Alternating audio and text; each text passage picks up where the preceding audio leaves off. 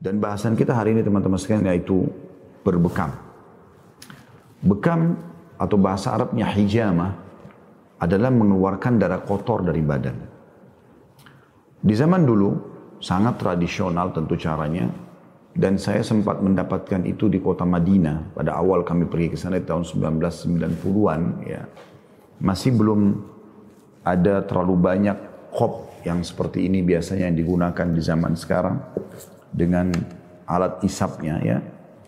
Jadi mereka masih menggunakan metode yang lain yaitu menggunakan gelas kaca kemudian membakar uh, sedikit kertas yang dimasukkan kertas itu atau diletakkan di atas kulit ya kemudian ditutup dengan kopnya ditahan dengan tangan dia ya. dibiarkan sampai nanti tentu apinya akan padam tapi suhu panas itu rupanya menarik kulit seperti itu yang saya pernah lihat. Setelah itu dibuka gelas tersebut lalu kemudian disayap lah. Ya. Digunakan pisau kecil atau silet kecil ya, yang steril tentunya lalu disentuhkan di kulit dengan sangat halus dibuat titik lalu kemudian dikop kembali ya untuk dikeluarkan darahnya. Jadi bekam sebenarnya digunakan dengan dua metode yaitu bagaimana dia dikop biasanya Indonesia mengatakan kop kering ya. Menggunakan alat kop seperti ini dan tentu pada pertemuan kita saya tidak mempraktekkan secara langsung di sini uh, karena banyak pertimbangan tentunya ya. Karena ikhwah yang hadir harus membuka pakaiannya kemudian cuplikan juga di YouTube sudah cukup banyak. Tinggal saya menyampaikan dalil dan juga manfaat-manfaatnya nanti anda akan bisa praktikkan insya Allah. Kalau saya pribadi memang saya sudah mengajarkan ke istri saya titik-titiknya di mana yang dia harus letakkan maka dia akan melakukan bekam itu. Jadi dengan memasukkan kop seperti ini lalu kita memompanya di titik-titik tertentu nanti akan Anda lihat di layar insya Allah titik-titik yang uh, saya tekankan agar Anda lakukan ya. Kurang lebih ada 10 titik dasar tapi bisa juga kalau Anda ingin tambahkan untuk seluruh tubuh ya. 10 titik dasar nanti akan kita sebutkan insya Allah nama-nama istilahnya dan tepatnya titik-titiknya ya. Uh, bisa dikop kering dengan cara hanya mengeluarkan angin saja. Kalau Anda masuk angin, Anda bisa letakkan kop-kop ini di tubuh Anda terutama bagian belakang, kemudian dikop dibiarkan beberapa saat. Kalau saran saya sih minimal dia satu menit, ya minimal 60 detik. Dan dia bisa lebih daripada itu, antara satu sampai tiga menit ya. Anda biarkan kop itu supaya maksimal menarik ya. Apa yang ada di situ kemudian eh, apa namanya dibuka. Setelah itu akan ada uap-uap angin biasanya ya. Dan ini cara yang lebih efektif dibandingkan anda menggunakan kerokan ya. Karena ini akan lebih baik. Dia memang murni keluar dari pori-pori ya. Dan tidak perlu merusak kulit kalau kop kering ya.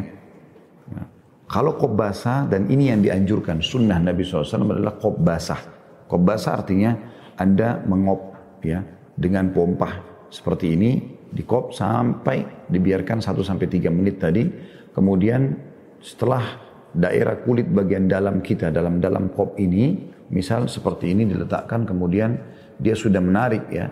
Itu di sekitarnya sudah terlihat perubahan warna biasanya apalagi kalau memang dasarnya orang itu punya penyakit biasanya justru berubah menjadi warna-warna gelap ya setelah itu dibuka, lalu kemudian ininya disayap ya. Kulitnya itu disayap dengan tipis sekali. Ya, ada sudah dijual di mana-mana tentunya pisau untuk uh, menyayap itu sedikit sekali, cuma seperti digaris ya. ya. Bahkan kalau latihan yang benar sebenarnya menggunakan pisau itu dengan tisu ya.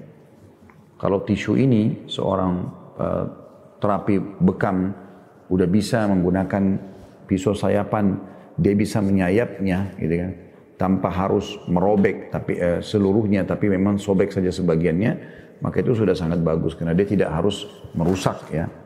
Atau metode sekarang juga ada menggunakan pen ya seperti ini yang tidak asing lagi tentunya di teman-teman yang biasa bekam eh, dan di sini diletakkan jarumnya ya,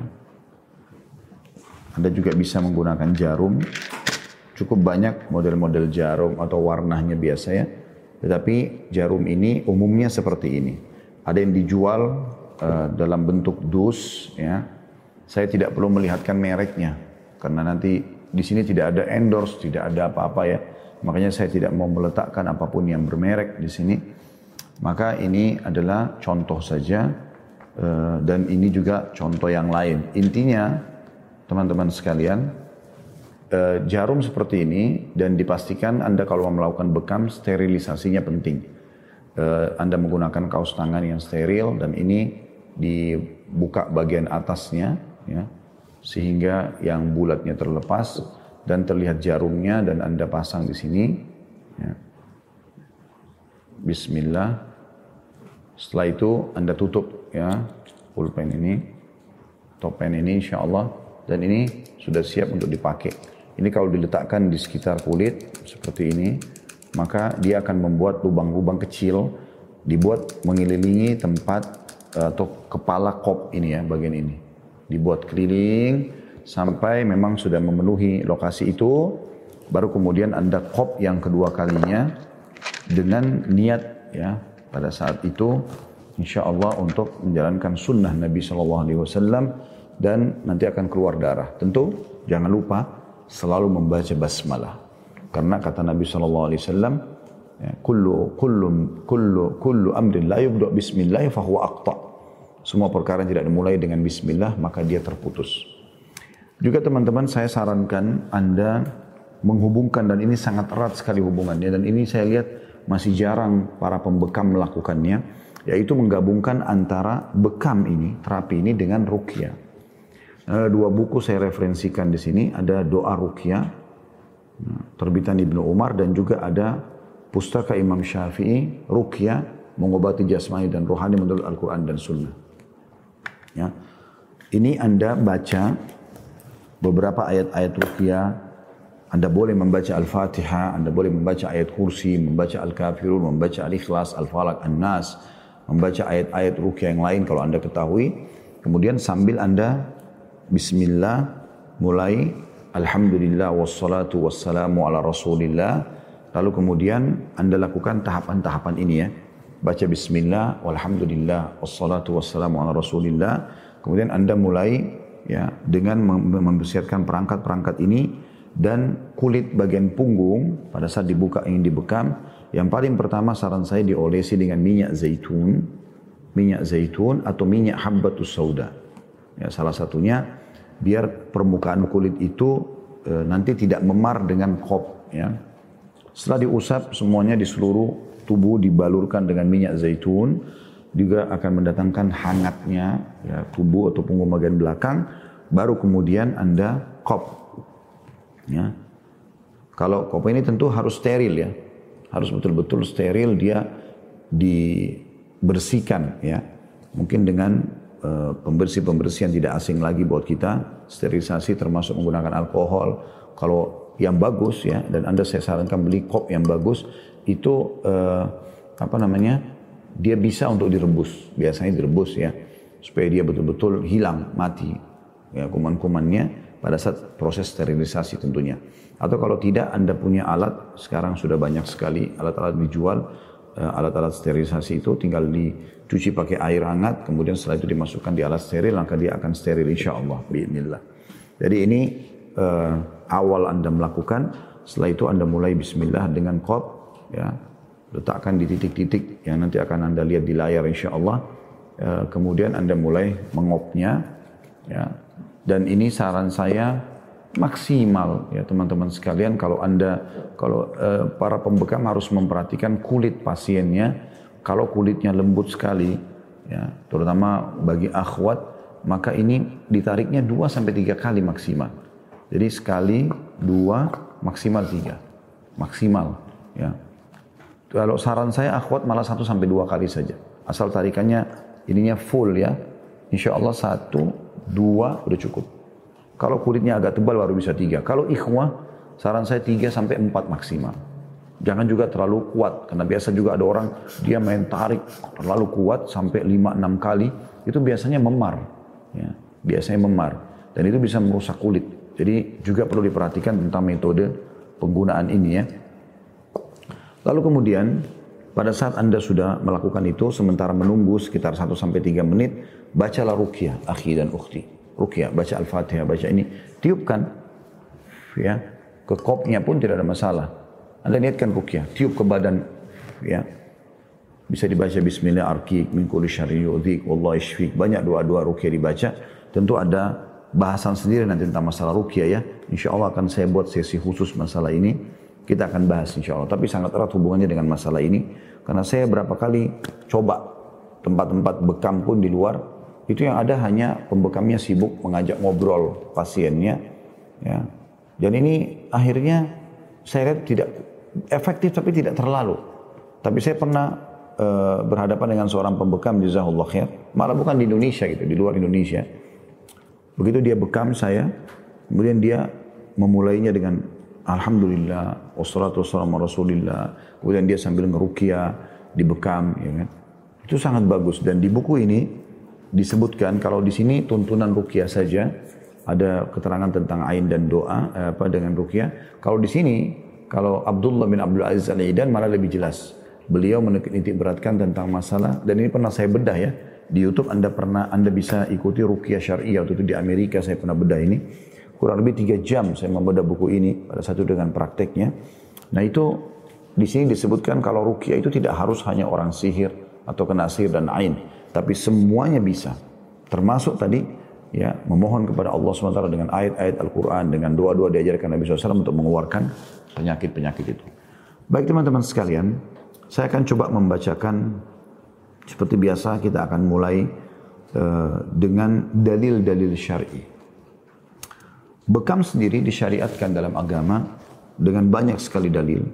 Di antaranya kita mulai dengan hadis Bukhari disebutkan di nomor 5681 kata baginda Nabi SAW kesembuhan itu ada pada tiga hal yaitu dalam pisau pembekam meminum madu atau pengobatan dengan besi panas ataupun kain. Dan aku melarang umatku melakukan pengobatan dengan besi panas. Atau jadikan pengobatan besi panas dalam riwayat lain adalah uh, alternatif terakhir. Nah di sini Nabi SAW memastikan dalam hadis beliau yang sahih riwayat Bukhari ini, kalau kesembuhan pasti bisa didapatkan. Ya. Di pisau pembekam. Atau mulai dibahas masalah bekam di sini. Ya. Juga teman-teman sekalian, eh, Rasulullah SAW pernah berbekam. Nah, pernah berbekam bahkan lebih dari satu kali. Beliau berbekam beberapa kali dan beliau di dalam hadis ya uh, disebutkan yang sahih juga uh, disebutkan oleh Abu Dawud nomor 3857, Ibnu Majah 3476, Imam Ahmad menyebutkan di jilid 2 halaman 342 bahwasanya Rasulullah SAW pernah berbekam dan beliau memberikan upah kepada tukang bekam. Ya. Ada riwayat lain menyebutkan Nabi SAW mengatakan bahwasanya upah pembekam itu adalah buruk atau khabith. Yang dimaksud di sini adalah bukan buruk dalam arti kata tidak halal. Jadi dia halal, ulama hadis menjelaskan hanya saja dia lebih baik dijadikan sebagai pendapatan terakhir. Jadi kalau masih bisa mendapatkan pendapatan yang lain selain dari bekam itu lebih baik. Tetapi Nabi SAW ya, tidak melarangnya. Secara khusus tidak mengharamkannya maksudnya ya. Karena beliau sendiri pernah memberikan upah kepada pembekam yang membekam beliau sallallahu wa ala alihi wa sahbihi wasallam di hadits Abu Dawud, Ibnu Majah dan juga Ahmad.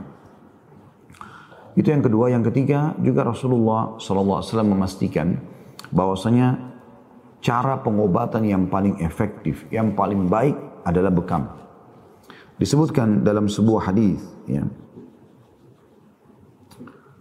Hadis ini riwayat Abu Daud, ya, Ibnu Majah dan juga Ahmad. Berbunyi, sesungguhnya sebaik-baik apa yang kalian lakukan untuk mengobati penyakit adalah dengan melakukan melakukan bekam.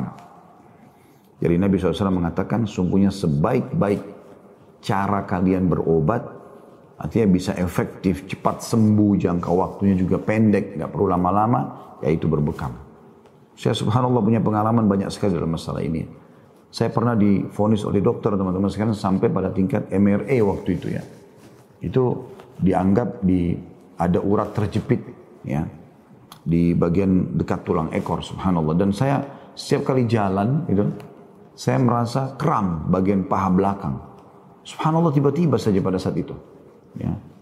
Dan saya pada saat itu ada undangan ke luar negeri di musim dingin lagi. Maka saya sempat telepon seorang teman saya ya, dan beliau memang biasa membekam ya karena kalau saya rasa sudah seperti ini, saya mengajak teman-teman yang biasa berbekam, lalu saya berdiskusi sama beliau yang bersama-sama. Ini teman-teman sekalian, di Bekamlah ada lima titik pusat di daerah yang saya merasa sakit ya, di sekitar tulang ekor. Nanti insya Allah akan ada gambar di layar, Anda bisa lihat uh, kalau Anda ingin bekam seluruh tubuh. Ada kurang lebih lima titik, itu berdekatan sekali di dekat tulang ekor, ya. Itu yang dilakukan oleh teman saya dan dibekam di situ. Subhanallah, Alhamdulillah sampai sekarang perubahan total terjadi. Walaupun kadang-kadang masih ada sedikit tapi sudah tidak ada. Bisa dikatakan sembuh Alhamdulillah. Dan bahasa beliau sebenarnya membahasakan ke saya, ini sebenarnya kelebihan kolesterol. Ya. Kalau dalam bahasa bekam, karena dilihat dari gumpalan-gumpalan darah yang keluar. Maka semenjak itu, Alhamdulillah saya selalu juga fokus setiap bulannya karena disunnahkan berbekam nanti akan kita sebutkan di tanggal 17, 19, 21 dan ini alasan kenapa tadi saya bilang kita bertepatan membahas bekam di tanggal 21 ini ya.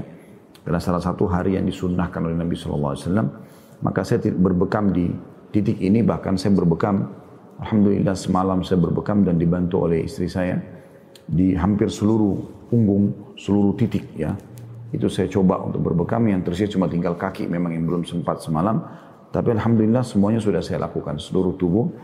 Dan ini juga supaya memang mem, pada pada saat kita mempraktik, pada saat kita membahasakan, mengajarkan seperti ini, kita sudah praktikkan, gitu kan. Dan apalagi semalam itu memang sedikit agak malam ya, jadi sudah masuk di tanggal eh, 21-nya, di atas jam 12 malam ya. Maka saya sudah mendapatkan insya Allah tanggal 21-nya ya. Nabi SAW mengatakan sebaik-baik dalam hadis riwayat Ahmad di jilid 5 di halaman 9, halaman 15, halaman 19 tiga kali terulang hadis ini sebaik-baik pengobatan penyakit adalah dengan melakukan bekam. Dengan melakukan bekam ya. Juga riwayat lain Nabi SAW menguatkan lagi dan ini luar biasa riwayat ini setiap kali saya baca saya coba renungin gitu kan Begitu luar biasanya bekam ini sampai hadis ini menjelaskan. Dengarkan baik-baik hadisnya. Hadis ini riwayat Ibnu Majah nomor 3477. Ya. Ibnu Abbas meriwayatkan radhiyallahu anhu bahwasanya Rasulullah SAW bersabda, tidaklah aku melewati seorang malaikat pun ketika dimi'rajkan di langit atau ke langit kecuali mereka mengatakan wahai Muhammad lakukanlah olehmu berbekam. Tambahan riwayat lain uh, dan itu disebutkan oleh Tirmidzi nomor 2052 dari Abdullah bin Mas'ud radhiyallahu anhu bahwasanya Rasulullah SAW menceritakan ketika beliau diisrakan tidaklah beliau melewati sekumpulan malaikat melainkan mereka meminta kami ya, atau mem memerintahkan atau berkata perintahkanlah umatmu untuk berbekam perintahkanlah umatmu untuk berbekam jadi Dua riwayat ini luar biasa. Bagaimana Nabi SAW bertemu dengan sekian banyak malaikat di langit dan beliau memastikan tidak ada satu malaikat pun yang aku lewati kecuali mengatakan Hai Muhammad berbekamlah kamu dan suruh umatmu berbekam. Ini luar biasa gitu. Saya tidak menemukan ada pengobatan yang seperti ini wasiatnya. Ya, berarti memang pesan ilahi yang luar biasa. Ya, para malaikat pun yang mungkin mereka tidak membutuhkan bekam itu menyampaikan wasiat. Ini tidak mungkin kecuali perintah Allah subhanahu wa ta'ala. Maka Nabi SAW terus menyampaikan kepada umatnya sebagaimana juga anda dengarkan di saat sekarang tentu penyampaian-penyampaian hadis beliau sallallahu wa ala alihi wa sahbihi wasallam.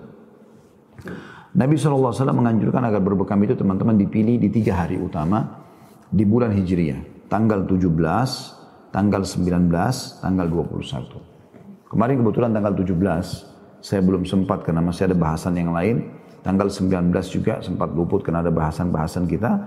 Dan tanggal 21 hari ini, insya Allah saya berharap teman-teman setelah nonton acara kita ini bisa langsung mempraktikkan bekam itu. Kalau tidak, Anda tentu memilih di bulan depan ya, tapi itu kena Ramadan.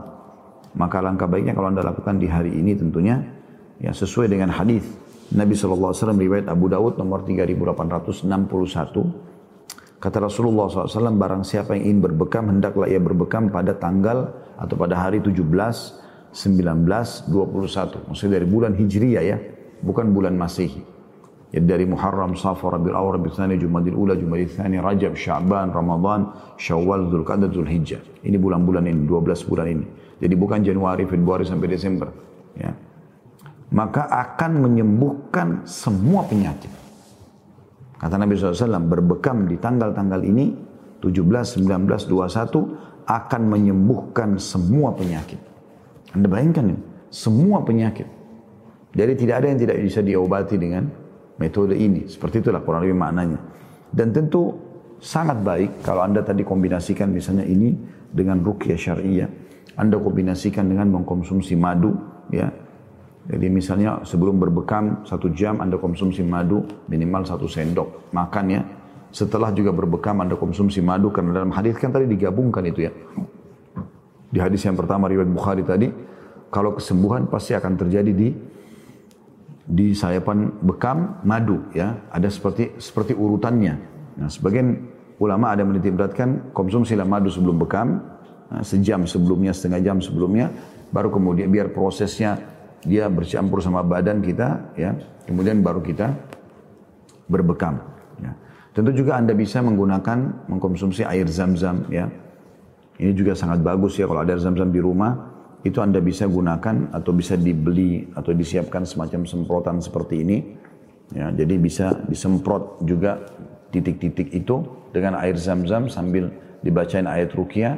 Setelah itu ya dibiarkan dia kering dengan udara, baru di diolesi dengan uh, minyak zaitun atau minyak hambatus sauda, barulah kemudian Anda mulai mengopnya. Ya. Tentu riwayat ini bukan berarti kata sebagian ulama tidak boleh berbekam di selain tanggal ini.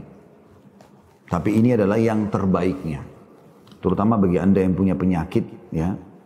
Misalnya memang Anda punya penyakit dan uh, Anda harus berbekam beberapa hari ya proses. Seperti pernah ada seseorang yang kena diabetes di Saudi sudah bertahun-tahun, akhirnya dia berbekam melalui salah satu pembekam dan saya kenal baik pembekamnya Masya Allah, orang itu sembuh. Jadi dia dibekam selama tiga hari berturut-turut. Ya. Non-stop di titik-titik tertentu dengan memang e, tujuan untuk mengobati fokus ke masalah diabetes ini. Ya, seperti itulah. E, juga riwayat Ibnu Abbas radhiyallahu anhuma Riwayat ini diriwayatkan oleh Tirmidzi di jilid 2 halaman 204. Sesungguhnya hari yang paling baik bagimu untuk berbekam adalah 17, 19 dan 21. Ya. Ada juga riwayat lain yang menjelaskan tentang masalah kalau mau memilih hari-hari yang paling baik berbekam adalah hari Senin, Selasa dan Kamis ya. Tetapi tentu ini kalau eh, tidak bentrok dengan tanggal kayak kita kan sekarang Tepatnya kenanya hari Rabu ya, tanggal 21. Bukan berarti anda tidak boleh berbekam. Karena memang dalam riwayat disebutkan dan hindarilah Rabu, Jumat, dan Sabtu juga Ahad.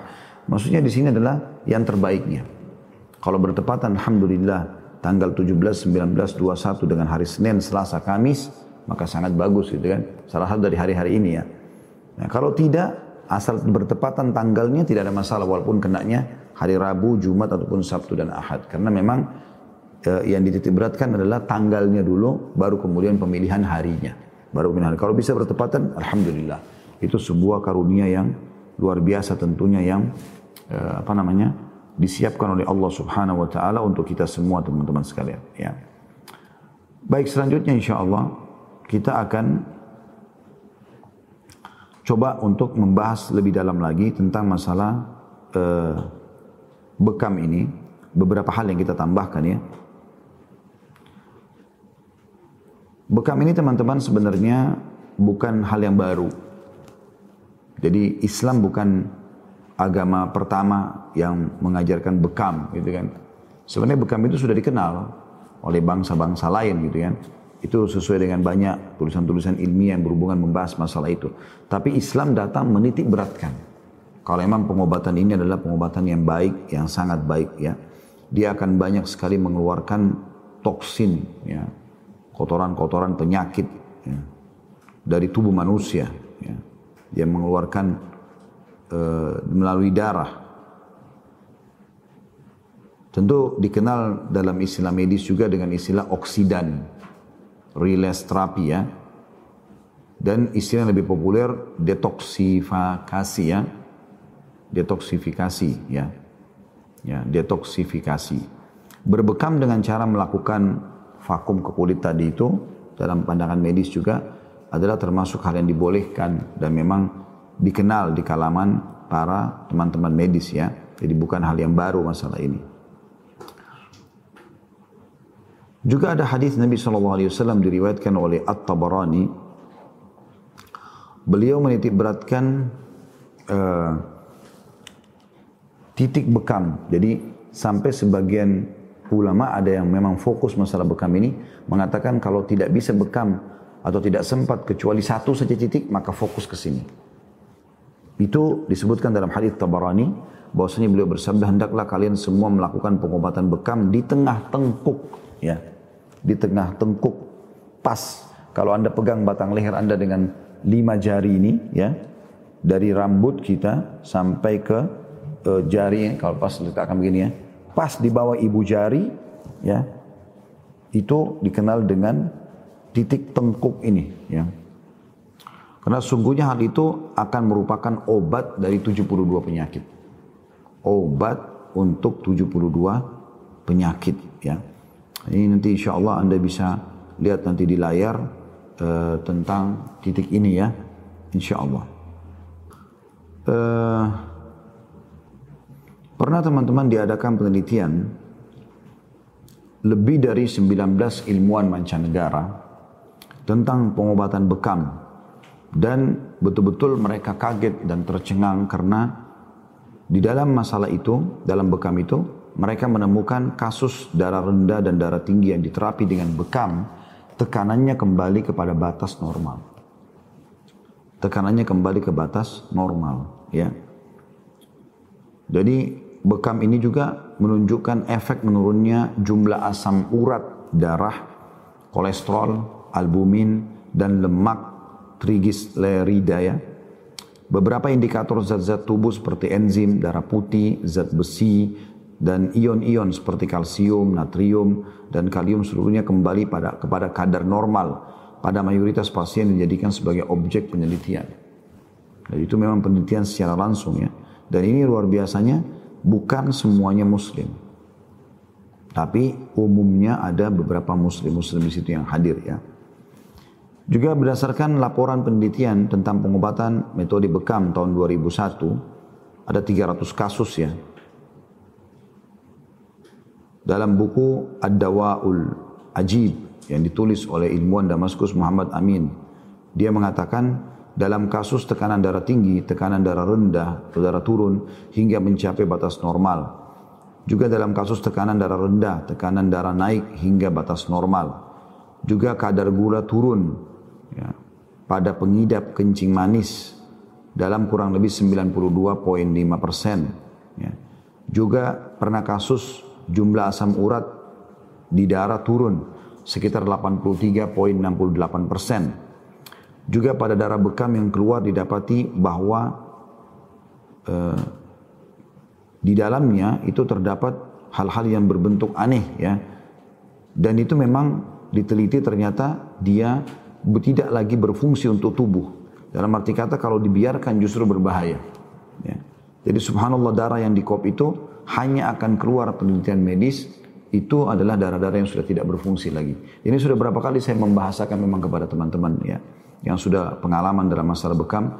Kira-kira darah yang keluar ini akan mengurangi ya uh, sesuatu dari tubuh kita nggak? Maksudnya kan keluar darah tuh apalagi kalau darahnya banyak. Kadang-kadang ada orang di kop itu sampai kopnya penuh ya. Apalagi kalau memang darahnya masih terus keluar, Anda bisa kop yang kedua kalinya ya. ya saya pernah melalui terapi yang sampai tiga kali kop, ya. Dan itu tentu ada harus dilakukan oleh orang yang sudah ahli ya. Uh, jadi dia uh, setelah mengop kemudian uh, melapnya kembali dibersihkan, disterilkan baik kopnya ataupun juga lukahnya di tubuh yang sudah ada. Kemudian coba dilukahi lagi yang kedua kali kurang lebih di titik-titik yang mungkin belum tersentuh awalnya dikop lagi yang kedua kali.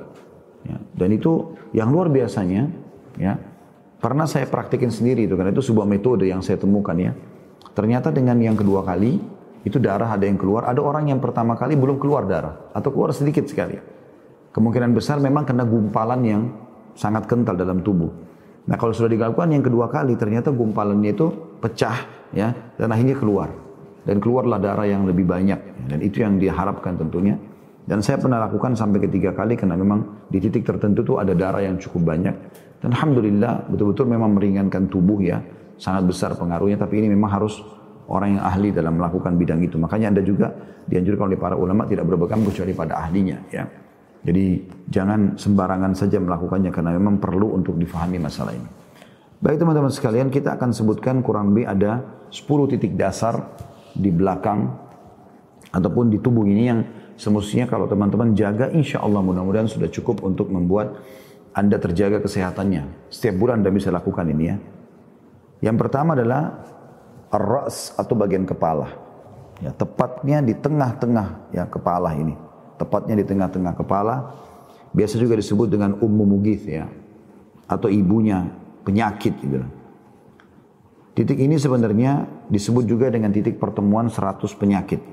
Terletak di puncak tengah kepala yang berfungsi untuk mengobati banyak penyakit seperti sakit kepala secara umum, migran, vertigo, darah tinggi, sinusitis, ya, mimisan, radang hidung, glaukoma, gangguan mental dan emosional, sakit telinga secara umum, jerawat, mempertajam ingatan dan hafalan dan kecerdasan otak dan banyak lagi manfaat-manfaatnya. Hanya saja teman-teman harus pahami satu hal ya, titiknya harus benar-benar pas di tengah-tengah ya. Kalau Anda mundur saja sedikit, Ya, artinya Anda mundur ke belakang yang biasanya maaf kalau Anda lihat ada orang yang botak bagian tengah kepalanya, biasanya botaknya itu agak sedikit ke bawah, itu jangan ke situ. Saya pernah berbicara dengan seorang pakar, Masya Allah dia sudah lebih dari 20 tahun mungkin membekam, membahasakan kalau kapan dia titiknya geser sedikit dari titik yang disunnahkan oleh Nabi SAW itu, ini malah bisa membuat lupa. Ya. Oleh karena itu harus hati-hati.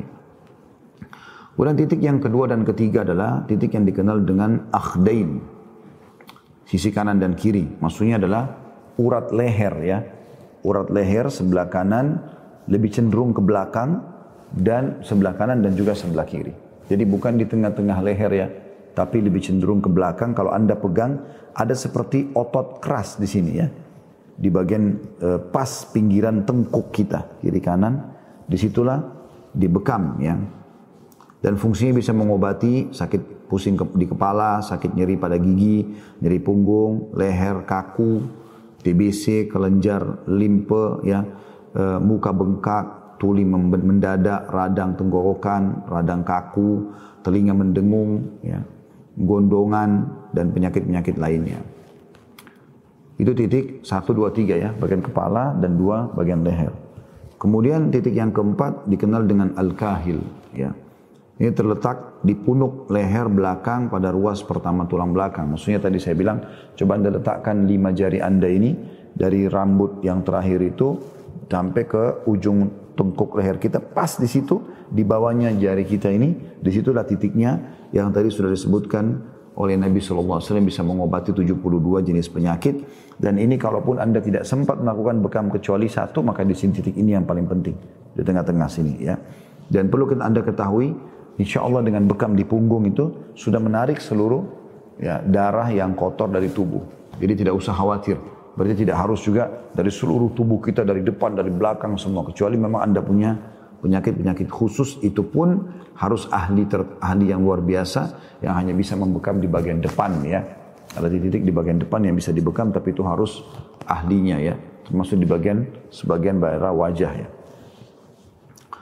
Nah ini di daerah kahil ini pas di uh, bawah tulang apa namanya atau tengkuk ya pas masih masuk di tengkuk sebenarnya tapi di ujung sekali Itu bermanfaat mengobati radang, selaput otak, asma, bronkitis, TBC, kejang dan sakit kepala, batuk, flu, atau pilek, ya, leher kaku, punggung nyeri, peradangan pada tulang sendi, ya, penyakit epilepsi atau ayan, nyeri otot punggung dan pundak, gangguan pada mata, gangguan pada jantung, darah tinggi dan lain-lainnya.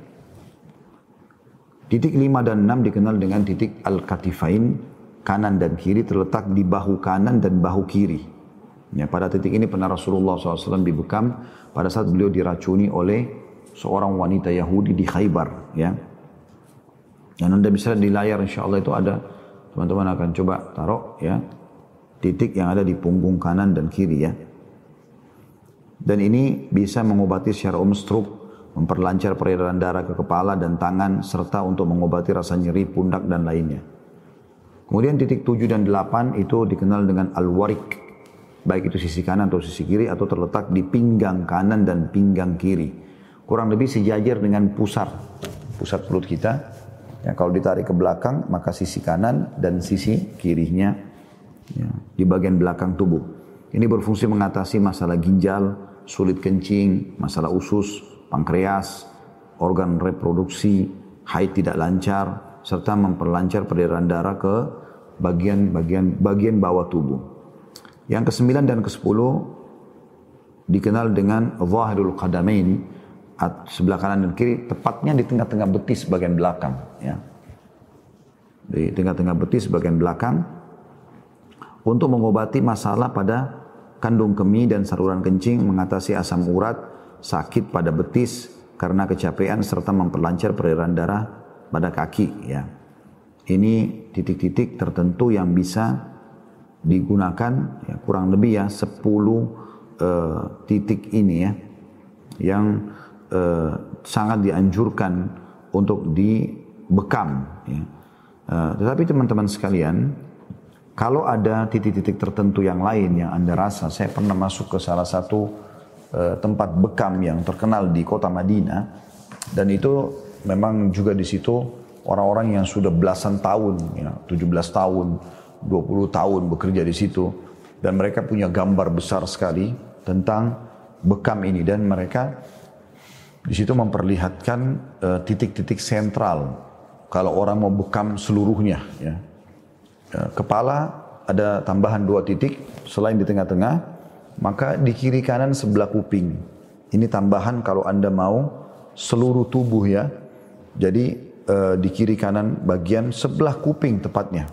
Pas sebelah kuping tapi di bagian kepala itu dua kop di situ dan satu di bagian atas. Jadi tiga ini sudah cukup untuk menarik seluruh yang ada di kepala insya Allah.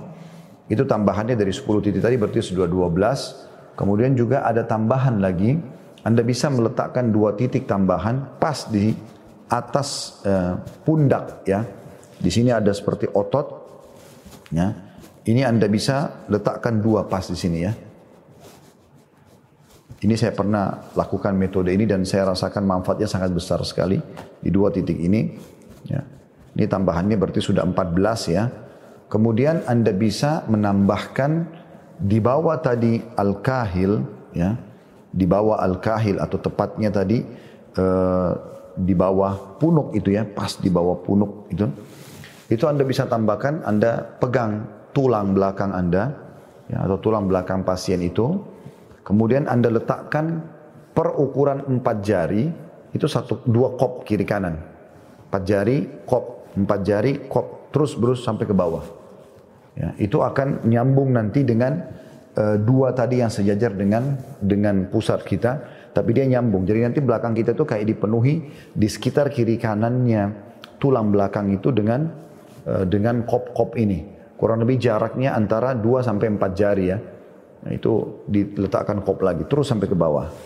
Kemudian Anda bisa menambahkan juga titik ya di paha bagian tengah di belakang.